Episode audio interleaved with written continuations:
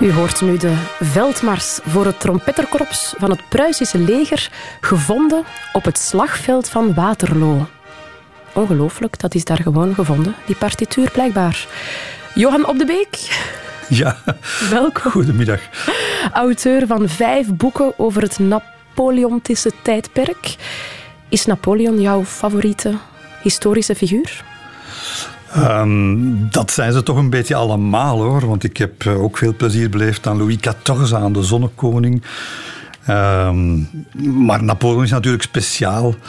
Uh, speciale man, speciale tijdperk, een tijdsgevricht dat, uh, ja, waarvan de meestal gunstige effecten tot op vandaag de dag nog altijd te voelen zijn. Hè. Dus ja, en dan natuurlijk, het is merkwaardig, Waterloo Meestal onthoudt men in de geschiedenis en in de toeristenbussen die daar passeren, onthoudt men de naam van de overwinnaar. En is het daar overal dat het, uh, dat het gaat. Maar dat is dus hier niet het geval. Het gaat over de, de verliezer, Napoleon. ongelooflijk, hè?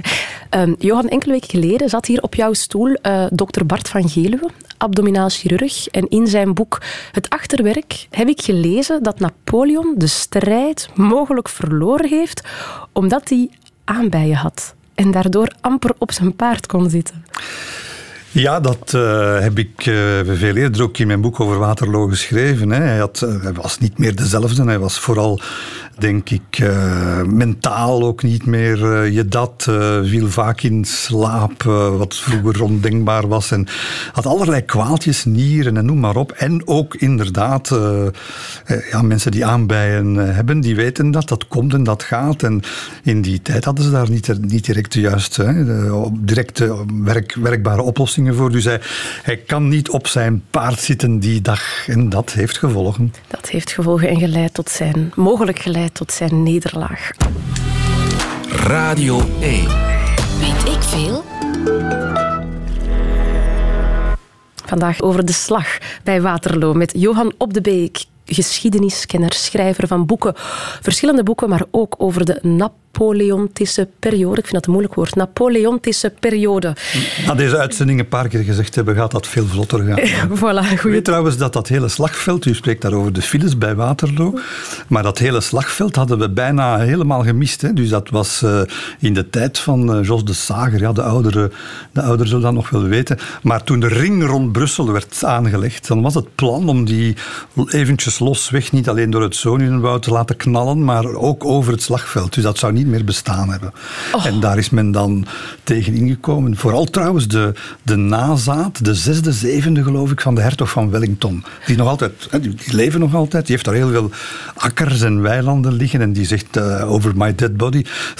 Ze hebben daar naar geluisterd. Ze hebben daar blijkbaar naar geluisterd. Maar goed, de slag bij Waterloo, dan denk ik dus ja, eigenlijk maar aan één man. Zoals jij daarnet ook zei, dat is de, de naam die de geschiedenis heeft overleefd. Maar misschien even kort voor de mensen bij wie de geschiedenislessen een beetje ver weg zitten. De slag bij Waterloo, dat was 1815. Op dat moment, hoe was het met de macht en de positie van Napoleon in Europa? Hij was de leider van Frankrijk toen, of hoe zat dat toen? Wel, uh, het begint natuurlijk allemaal met de Franse Revolutie, uh, die uh, na, na tien jaar geweld en totale chaos wordt beëindigd door Napoleon. begint eigenlijk aan, een, aan, een, aan de nieuwe tijd, een moderne, modernisering van alles ongeveer. en dat gaat ook gepaard met heel wat oorlogen oorlogen die hij begint, maar ook vooral oorlogen die de anderen beginnen. Maar om het lang verhaal kort te maken, hij moet uiteindelijk de duimen leggen tegenover een, eh, ja, de, al, de, al de grote vorstenhuizen, de Russen, de Oostenrijkers, de Pruisen, als die allemaal samen beginnen te doen, gedaan. Dus hij moet troonsafstand doen in, uh, in 1814. Uh, wordt verkast, uh, ja, mag keizer blijven van, van wat? Van, van een handdoekje groot hoor, namelijk het eiland Elba ja. in de Middellandse Zee. Nu, als men daarmee had gedacht dat men uh, Napoleon... Ja, Napoleon is zo'n... zo'n en dat denk ik ook waarom mensen hem, hem ja, zo intrigerend vinden. Napoleon is een hè, die uit de as opreist, tegenslagen overwint, uh, het leven uh, koestert en niet naar de dood kijkt. En dat willen wij allemaal. Wij willen uit onze, uit onze, uit onze as oprijzen telkens weer op. En dat is hij. En hij doet dat, hij doet dat op een fenomenale manier.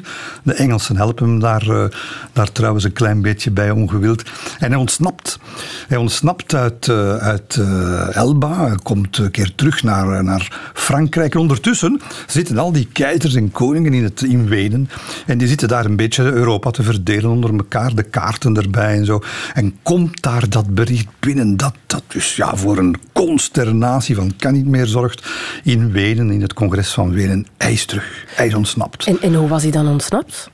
Want Wel, zat, het is een eiland, Elba. Of, Elba is een eiland, uh, hij is, een eiland uh, maar, maar er, ja, hij wordt bewaakt. Hij wordt natuurlijk bewaakt door een paar Engelse fregatten die daar rond cirkelen. En ze weten dat hij ja, uiterst ja, bekwaam en gevaarlijk is en, en bewaakt. Maar de, admiraal, de admiraal van, die, van, van, dat, van dat vlootdeel, die heeft een, een hobby. En die hobby is vrouwen graag zien.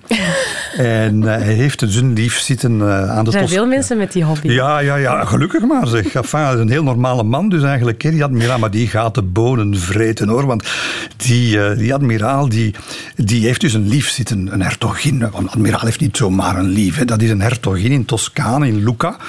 En hij, ja, hoe, hoe bent u zelf? Hè? Als u iemand graag ziet, dan gaat je toch niet altijd op dat bootje. Hoe leuk de Middellandse Zee ook mogen wezen, maar je gaat toch niet op die boot altijd blijven zitten. Dus hij, en hij gaat regelmatig met, dat, met zijn fregat vaart hij dus gewoon naar de, naar de Italiaanse eh, kust en, en gaat daar zijn ding doen.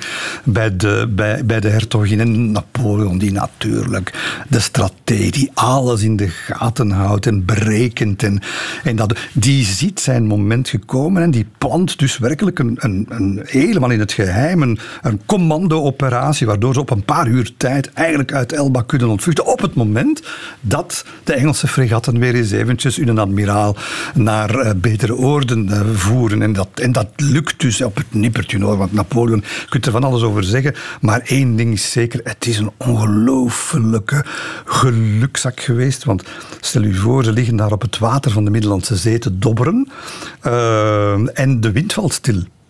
Dat is een klein probleem als u wil ontsnappen met een zeilboot, want in die tijd, ja, je hebt alleen de wind. Hè. En dus ze liggen daar voor, een beetje voorbij de kust van Elba.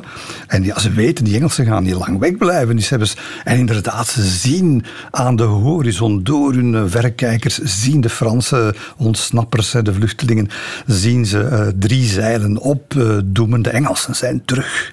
En op dat moment komt de wind terug opsteken. En hij ontsnapt. Wat een dikke chance heeft hij gehad.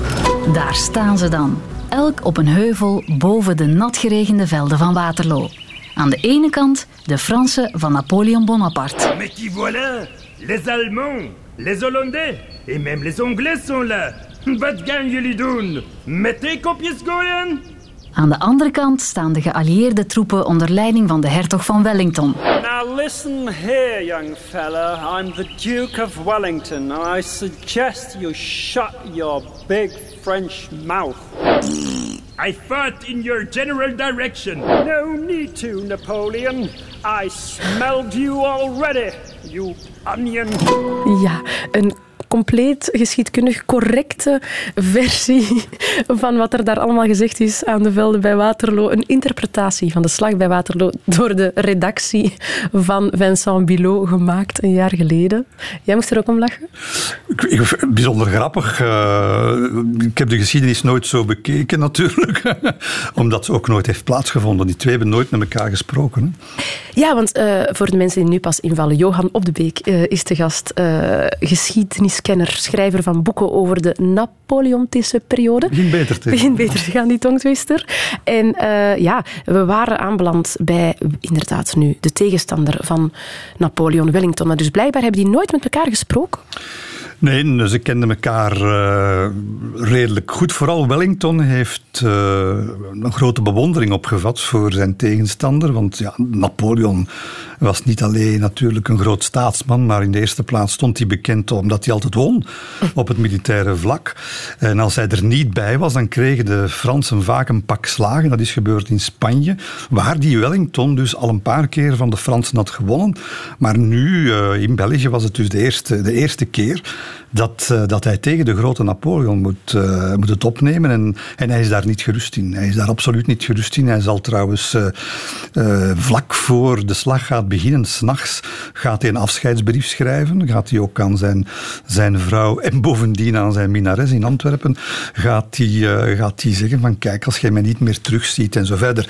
Uh, hij, had, hij, had, ja, hij had alles bestudeerd van Napoleon, maar ik moet zeggen, het is meer dan bestuderen. Als je daar nu over nadenkt, als je nu begint met de kok van Napoleon in dienst te nemen, je gaat ook het portret van Napoleons zusje, dat was een heel mooie vrouw, Pauline Bonaparte was een pracht van een vrouw, maar dat, uh, koop dat portret, hangt dat boven zijn bed, die Wellington. Dat is een beetje creepy. Uh, gaat proberen alle maîtresses die Napoleon ooit heeft gehad, gaat hij proberen allemaal binnen te doen.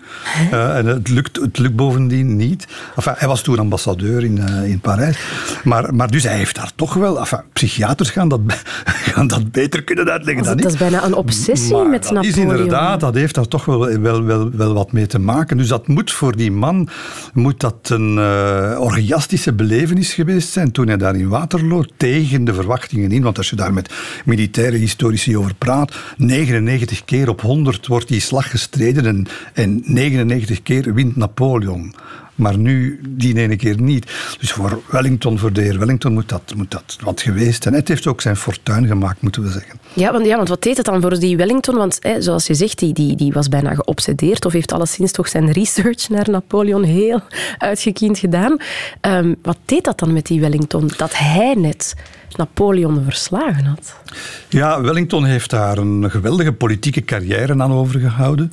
Uh, is dan eerste minister geworden uh, en heeft daar vooral uh, een fantastisch cadeau gekregen van de koning der Nederlanden. Want wij zijn pas vertrokken met ons koninkrijk, het koninkrijk van de Verenigde Nederlanden. En de hertog van Wellington, en dat is tot op de dag van vandaag het geval, heeft daar in Waals-Brabant heeft daar kolossale hectaren grote weilanden, akkervelden. En die boeren, die dat, dat zijn pachters van Wellington, tot op de dag van vandaag nog altijd. Dus bovendien heeft België, en dat is heel moeilijk te achterhalen, maar België betaalde tot, tot voor kort en misschien nog uh, een fameuze geldsom elk jaar aan, uh, aan Wellington. Ja, dat is toch afgesproken toen, in, 18, uh, in 1815, omdat ja, hij bevrijdt... De Belgen, zo gezegd. De, ja, het, het Belgisch-Nederlands Koninkrijk, wanneer België onafhankelijk wordt in 1830, 15 jaar later, dan, uh, ja, dan zijn de Hollanders zo slim om dat cadeautje, enfin, om dat, die verplichting door te, door, door te, schuiven naar de Belgische regering. En die heeft dat uh, zeer, zeer lang blijven betalen. Hè. Daar zijn nog parlementaire vragen over gesteld en zo wordt altijd heel afwijkend over gereageerd. En, en, en nu nog, misschien als ze nu luisteren, dat er misschien opnieuw aan herinnerd wordt dat ze daar nog eens een parlementaire vraag over Ja, iemand zou dat eens moeten doen, want dat is ah. een, volgens mij, dat een, toen mijn boek over Waterloo uitgekomen is, ook niet zo lang geleden, een jaar of ja, dus in, in 2015, uh, dan is er een parlementaire vraag gesteld over hoe zit dat. Uh, minister toen was dat de Reinders, denk ik, van Financiën, die, die heeft daar een, een, ja, in een staaltje van hoe kan ik antwoorden zonder te antwoorden, uh, heeft hij dat behandeld. En, en, en, het resultaat is dat we het nog altijd niet goed weten. En, en hoe groot is die som geld? Is dat ja, geweten? Dat, dat was aanvankelijk was dat behoorlijk wat. Dat zal misschien wat afgezwakt zijn in de loop der jaren, maar men zou daar beter eens gewoon wat transparantie rond creëren. Dan weten we dat en is dat achter de rug. Ja, en, en, dan moeten mensen als ik dat niet meer komen uitleggen. en daarover zagen in een studio. Al ja, dat geld dat nog gaat naar een man die al lang niet meer leeft eigenlijk. Wel nee, het gaat naar de familie. Is familie, ja. ja. Dus de zevende of achtste generatie, denk ik nu. Die weten niets, die weten niets van ons dat niet mag uitkomen of zo. Daar die houden dat allemaal mooi onder de pet, denk is, ik. Ja, ja, maar er is iets, omdat wij ook iets van hen nodig hebben of zo. Zou we dat kunnen? Ik weet het niet. Wie weet, wie weet. Ja. Kijk, ik zie uw journalisten nog al blinken. Ja, ik ga, dus, we gaan het uitzoeken. We gaan het samen uitzoeken, Johan. Maar nu even terug naar uh, Wellington en Napoleon in 1815. Want uh, hoe Wellington keek naar Napoleon, dat weten we nu. was ervan onder de indruk geobsedeerd. Omgekeerd, Napoleon, hoe keek die naar de heer Wellington? Of? Uh, achteraf zal hij er misschien wat ontzag voor gekregen hebben, maar voordien Ja, je moet je goed beseffen dat Napoleon iedereen met naam en faam op het militaire vlak uh, alle hoeken van de Kamer heeft laten zien gedurende 14 jaar lang. Uh, bon, hij is niet meer dezelfde. Hij heeft ook niet meer zijn oude, sterke Grande Armée bij zich. Dat is allemaal waar. Maar hij gaat toch wel richting België, richting Waterloo met het idee van we gaan dat hier eens oplossen. Hè.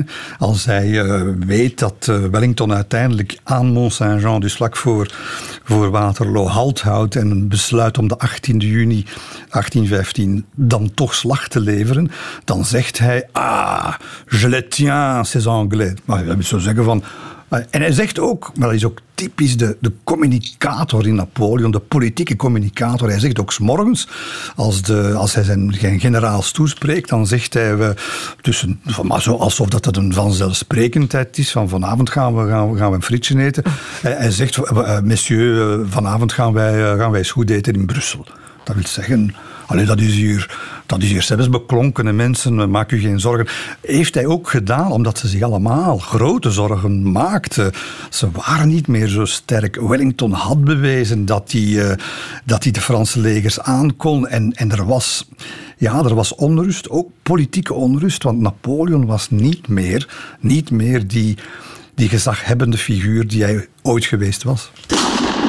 Ja, u hoort het goed, we zijn, we zijn vertrokken. En het is Bonaparte die eindelijk op gang is gekomen. Voilà, een mooie eerste aanval. Meteen een bestorming ook van Hougoumont. Maar kijk, de hoofdpoort die vliegt open en de troepen die stromen binnen. Dat kan wel eens fataal zijn voor de Hollanden. De, de poort die vliegt weer dicht. Ja, dat is Wellington op de counter natuurlijk. Die Franse soldaten zijn een vogel voor de kat zo vroeg in de wedstrijd. Toch misschien al een beslissend moment. Als de slag bij Waterloo een voetbalmatch was, dan klonk het misschien zo. Johan Op de Beek, uh, van Napoleon en zijn hele tijdperk over de slag bij Waterloo. Waarom eigenlijk in Waterloo? En in België zelfs. Hoe zijn ze er beland? Dat is, dat is een hele goede vraag. Ik stond daar vroeger eigenlijk ook niet bij stil. Maar kijk eens naar de recente geschiedenis. Kijk eens naar, de, naar 1940. Kijk naar 1914. Kijk naar 1870. En zo gaan we terug in de tijd. En al, al van voor Napoleon lang is eigenlijk het, het, geopolitieke centrum van Europa is deze streek. Uh, dat heeft te maken met, uh, met heel simpele dingen. De havens, de haven van Antwerpen, heel belangrijk. Uh, maar ook dat vlakke Vlaanderen, dat doorloopt tot in, Noord, tot in Noord-Frankrijk. En waar je eigenlijk met een leger op in die tijd op twee dagen in Parijs staat. En de Fransen hebben dat altijd gezien als een grote bedreiging. Misschien terecht. Het was, het was trouwens kardinaal Mazarin die aan zijn poulain, de zonnekoning, toen dat nog een snotventje was, uh, had gezegd van, uh, beste vriend, je moet zorgen dat je iets doet daarboven, want ons dak lekt. Ons dak lekt, je moet dat... Ja, Louis XIV heeft dat geprobeerd. En, en de Fransen gaan dat blijven proberen. En ze willen dus hun grenzen verleggen tot aan wat zij veilig noemen, tot aan de Maas en de Rijn en de Schelde. En dat, is, uh, dat, is, dat blijft in die tijd onder Napoleon zo. En eigenlijk doorheen heel het conflict honderden jaren, maar zeker in die, in die 15 jaar Napoleon, blijft dat, dat, dat Belgische gebied, ofschoon het dan nog niet zo heet natuurlijk, maar dat blijft, uh, dat blijft cruciaal. Dat is eigenlijk een, uh, daar wordt om gevochten. Dus het staat in de sterren geschreven dat op het moment dat die Napoleon vlucht uit Elba en, uh, en zich terug ja, aan de macht hijst in Parijs, dan staat, het, dan staat het vast. Men beslist in het congres van Wenen, we gaan er komaf meemaken, allemaal samen. En het zal niet met, met, uh, met praten zijn, niet met vredesonderhandelingen, direct oorlog. En waar, dat weet men dan al, het zal in België zijn. Nu, die Wellington, die, die was daar eigenlijk het is een sluwe kerel, het is een zeer defensief ingestelde veldheer. En hij is daar eigenlijk al een tijdje mee bezig. Die moet gedacht hebben, wie weet ga ik ooit toch nog eens met die Napoleon af te rekenen krijgen, die al zo vaak door het oog van de naald gegaan. En hij heeft dus een jaar voor de slag van Waterloo, heeft hij eigenlijk onder Brussel, want Brussel mag je natuurlijk niet kwijtspelen, hij is, hij is onder Brussel aan het zoeken naar een geschikte plek die hem goed uitkomt, die zijn manier van, van, van oorlog voeren goed uitkomt. En hij zoekt naar een plaats waar, als het ooit zover komt, hij de Fransen naartoe kan leiden bijna. En dat is dat terrein net ten zuiden van Waterloo, dat eigenlijk de, de, heuvel, de heuvelkam van Mont-Saint-Jean is. En het is daar eigenlijk dat uh, Napoleon een klein beetje in de val loopt. Dat is een, het is een, een terrein dat, uh, dat uitermate geschikt is voor de verdediger, niet voor de aanvaller. En dat is het nadeel van Napoleon, want Napoleon en je, vraagt je af waarom in hemelsnaam valt hij daar aan op die dag op, in ongunstige omstandigheden. Hij die, die het veel beter eigenlijk wist dan, dan Wellington. Wel, dat heeft te maken met politiek. Dat heeft te maken met het feit dat Napoleon moet, het moet snel gaan. Het moet vooruit gaan. Hij moet snel met een overwinning terug naar Frankrijk kunnen gaan, omdat hij daar de steun kwijt is. Het is zijn tweede terugkeer, is een militaire staatsgreep geweest en hij heeft geen politiek draagvlak meer bij de jonge generatie, bij de nieuwe politieke generatie, de liberalen. De liberalen zeggen, uh, je mag nog keizer blijven, we hebben u ook nodig om, uh, om de oorlog te winnen, maar het zal met een andere grondwet zijn en het zal met een veel democratischer uh, staat zijn. En dus Napoleon staat onder geweldige politieke druk en eigenlijk die slag dat is één zaak. Maar hij moet vooral snel met een overwinning naar huis kunnen gaan. En dus, en dus gaat hij tegen beter weten in, in slechte weersomstandigheden. Op een terrein dat hij niet kent en dat zijn tegenstander goed uitkomt, gaat hij vechten en hij gaat dat verliezen. Hoe is die slag eigenlijk gestart? De aanloop er naartoe? Of, of wat heeft eigenlijk de start van die veldslag ingeleid. En hoe is dat dan verlopen? En heeft dat lang geduurd of was dat op een paar uur beklonken? Alles gaat trager in die tijd dan vandaag uiteraard. Er, is geen, er zijn nauwelijks goede wegen, er is geen elektriciteit in, geen, geen telecommunicatie. Dus vooraleer die legers op hun plek staan, uh, dat duurt weken. En dan moet je weten, ze zijn met twee. Hè. De, de, de, geallieerden. Je hebt aan de ene kant de Pruisen, die absoluut komaf willen maken met Frankrijk. En dan heb je de Engelsen, waar ook Belgen en Nederlanders trouwens. Uh, het, leger van, het leger van, de, ja, van, van het Koninkrijk der Nederlanden meevochten. En zowel Wellington als Blücher, de Pruis, die zijn eigenlijk toch wel, en daaraan zie je, hij was bang, ze zijn benauwd voor een, voor een nederlaag en voor een totale ineenstorting. Want ze zeggen, als, als, als we klop krijgen, dus ze gaan er een beetje vanuit als ze klop gaan krijgen, dan moeten we zorgen, denkt Wellington, dat we, dat we de, de lijn Brussel-Oostende, dat we die intact houden. Want anders raak ik nooit meer terug op mijn schepen en naar Engeland. En dus, dat betekent dat een heel deel van zijn leger tot in Dendermonde, Aalst en zo verder. Dus helemaal niet in Waterloo is op het moment dat het ertoe doet. En het omgekeerde ook. De Pruisen die houden eigenlijk liefst de Rijn in de gaten. Dat we daar maar terug naar, snel naartoe geraken. En, en dat weet Napoleon. En hij weet dat als hij snel gaat, en hij gaat weer veel sneller dan ze gedacht hebben, dat hij misschien net op tijd kan toeslagen voor die twee elkaar vinden. Mm. En daar is, hij, daar is hij dus net niet in geslaagd. Dat, dat is eigenlijk in een, in een nutshell de, de manier van, uh, van, van werken. Er wordt slag geleverd 16 juni in Ligny in Catgebra. Dat is trouwens niet het vier armen kruispunt uit, het, uit uw wegenbulletin. Uh, maar, maar er, niet ver van, er niet ver vandaan in elk geval. Uh, die eerste veldslagen in België worden gewonnen door, door Napoleon. Wellington trekt zich meer en meer terug, verzamelt al zijn troepen in zeven haasten. Want je moet weten, terwijl Napoleon in de nacht van 15 op 16 juni met zijn volle macht België binnen marcheert, zijn die Engelsen ja, die denken van, oh, we regelen het wel. En, en, en, die zijn eigenlijk feest aan het vieren. Het bal van de hertogin van Richmond is op dat moment veel belangrijker voor Wellington dan Napoleon, die stilletjes aan in opmars is. En ze staan daar dus te dansen en hij eh, te flirten en zo verder. Tot daar op een zeker moment. Daar. De hertogin van Richmond heeft een residentie daar vlak achter de Muntschouwburg. En, uh, en tot daar op een zeker moment, midden in de nacht, terwijl iedereen natuurlijk al goed aan de port zit, zo niet aan uh, achter de, de tunieken van allerlei mooie dames, komt daar een boodschapper binnen met de melding: Il est arrivé, hij is daar. Ik zit op het puntje van mijn stoel om het vervolg te weten. Tussen Wellington en Napoleon met nog altijd Johan Op de Beek, meesterverteller en kenner van Napoleon in al zijn fratsen en bezigheden. We waren op het bal waar Wellington aan het feesten en flirten was en plots de boodschap Il est arrivé. Ik vraag me dan altijd af, die slag begint dan, gevechten en zo. Wanneer weet je dat het gedaan is, dat het einde gebeurd is, dat er een winnaar en een verliezer is? Ja, dat, dat weet je natuurlijk op het einde van de dag als, uh, als de Fransen. Uh, roepend en tierend het, terrein verlaten. Maar hoe, hoe is het zover gekomen? En het is een goede vraag, want zo'n veldslag, zo'n typische veldslag van, van Napoleon, daar weet vriend nog vijand, misschien alleen hij, wanneer het kritieke moment aanbreekt. En hij is een geweldige psycholoog. Uh, hij weet dat ja, het, er kan van alles gebeuren, de hele dag lang. Het zal beginnen rond, rond een uur of tien, elf begint dat. Uh, en het zal eindigen rond, uh, rond acht uur s'avonds.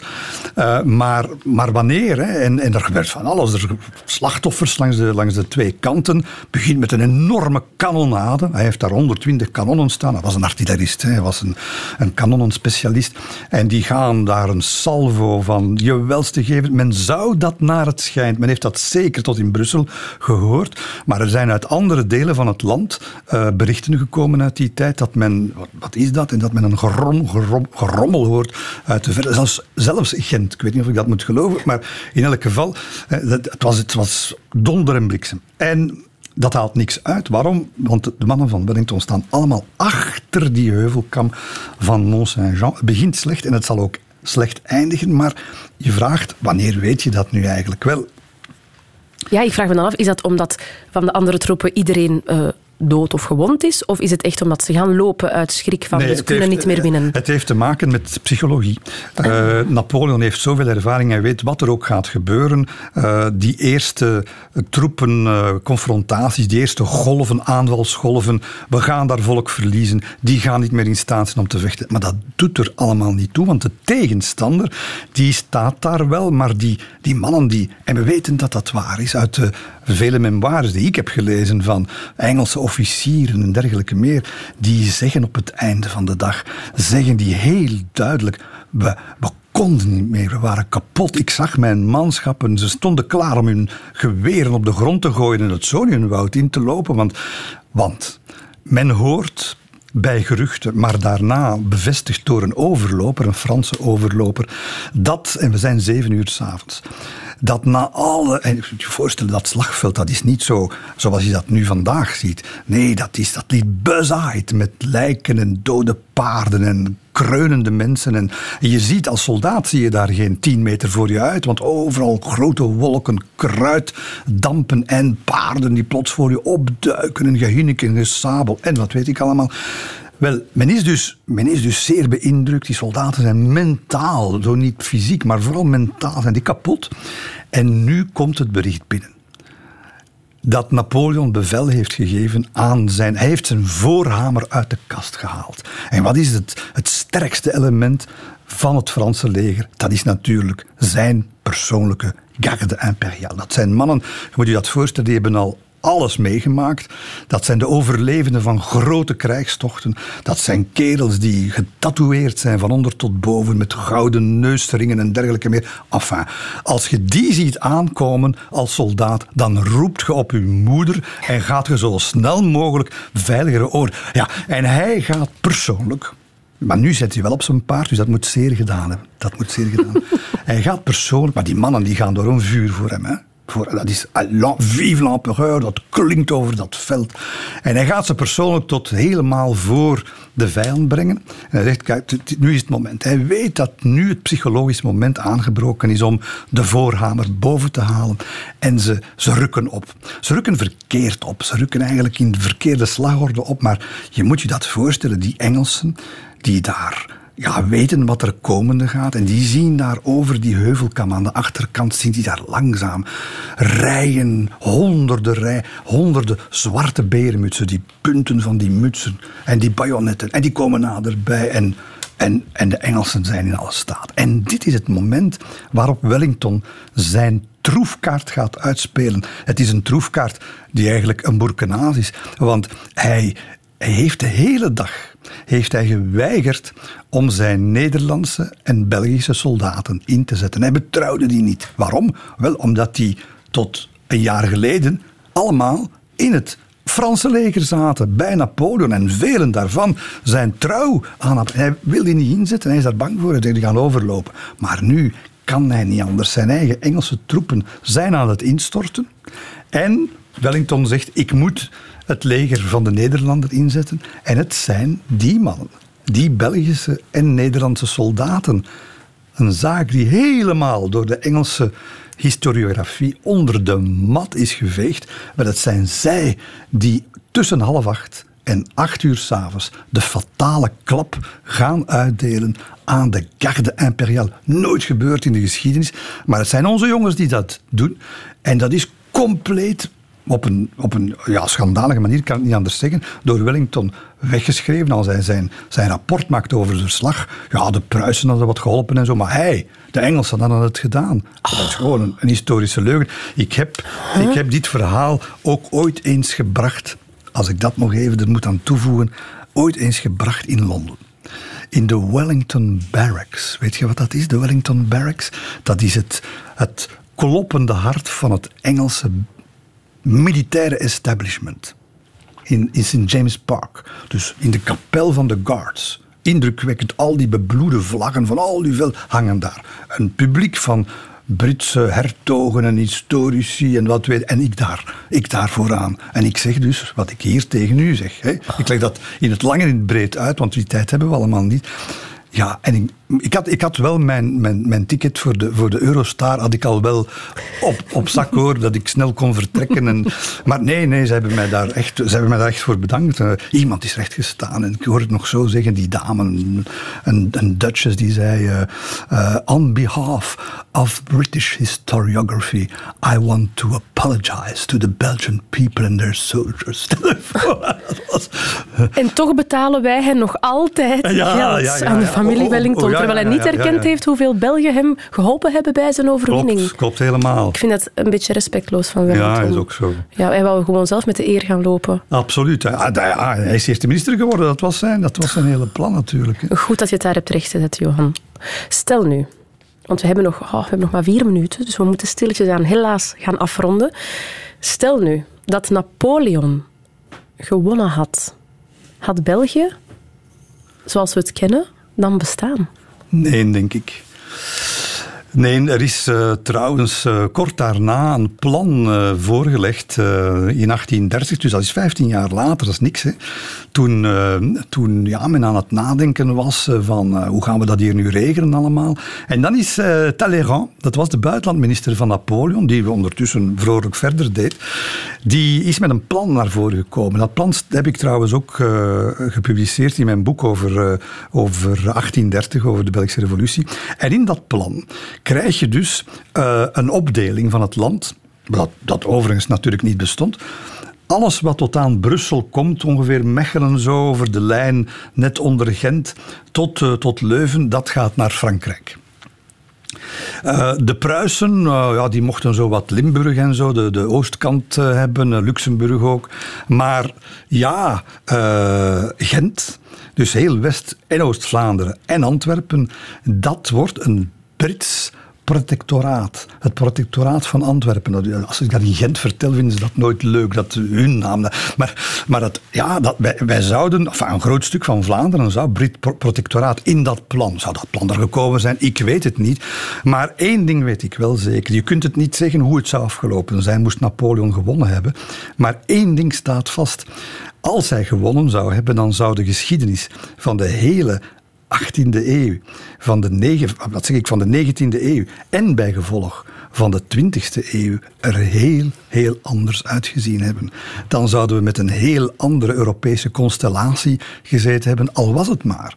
Omdat Napoleon natuurlijk op zijn manier en onder zijn leiding streefde naar ja, de eerste Europese as Frankrijk-Duitsland. Stel u voor, stel u voor dat dat was blijven bestaan. Ja, dan had je geen, geen in elk geval misschien wel een, Eerste Wereldoorlog gehad, maar anders. Hè. anders en, en, en we weten wat er uit de Eerste Wereldoorlog is gebeurd, uit, is ontstaan. Met andere woorden, een overwinning in Waterloo zou ons aller geschiedenis veranderd hebben. Johan op de Beek, het is zo interessant voor iedereen die nu luistert en het misschien niet volledig heeft gevolgd van het begin. We hebben een podcast van Radio 1. Daar kan je deze super interessante Weet ik Veel herbeluisteren. En ook alle andere Weet ik Veels die deze zomer zijn gepasseerd. En alle jaren voordien vind je terug in de podcast. Johan, we hebben nog anderhalve minuut. En zullen we voor old time's sake dan toch nog eens een quizje spelen? Een quizje? Ja, ja. Voilà. 3, 2, 1 go. Een paar vragen verzinnen. Zo. Oei, ja. echt hè? Uh, wacht, vertel jij mij eens... Uh, voilà. Ja, ja muziekje. go. Ja. Yes. Ik vind. yes, ga maar. Ja, met zo'n muziek zeg. Ja. Vertel jij mij eens, waaraan hebben we te danken dat de lee van Waterloo en het slagveld er nog zijn? Aan uh, de familie van uh, Wellington, die niet wou dat die velden daar uh, werden verwijderd voor een stukje ring. Dat is deels juist, maar dat, dat is dus helemaal juist. okay. Mijn knoppen werken niet meer. Voilà, ja. Goed, Napoleon kon ontsnappen van op een eiland waarvan hij nog keizer mocht zijn. Elba. Elba, alstublieft zeg. Wat een geheugen. De slag van Waterloo vond eigenlijk niet plaats in Waterloo ja. zelf, maar waar dan wel? Mont, Mont Jacques, Saint-Jacques of zoiets. Mont, iets met een mont. Iets met een mont. Mont Jacques.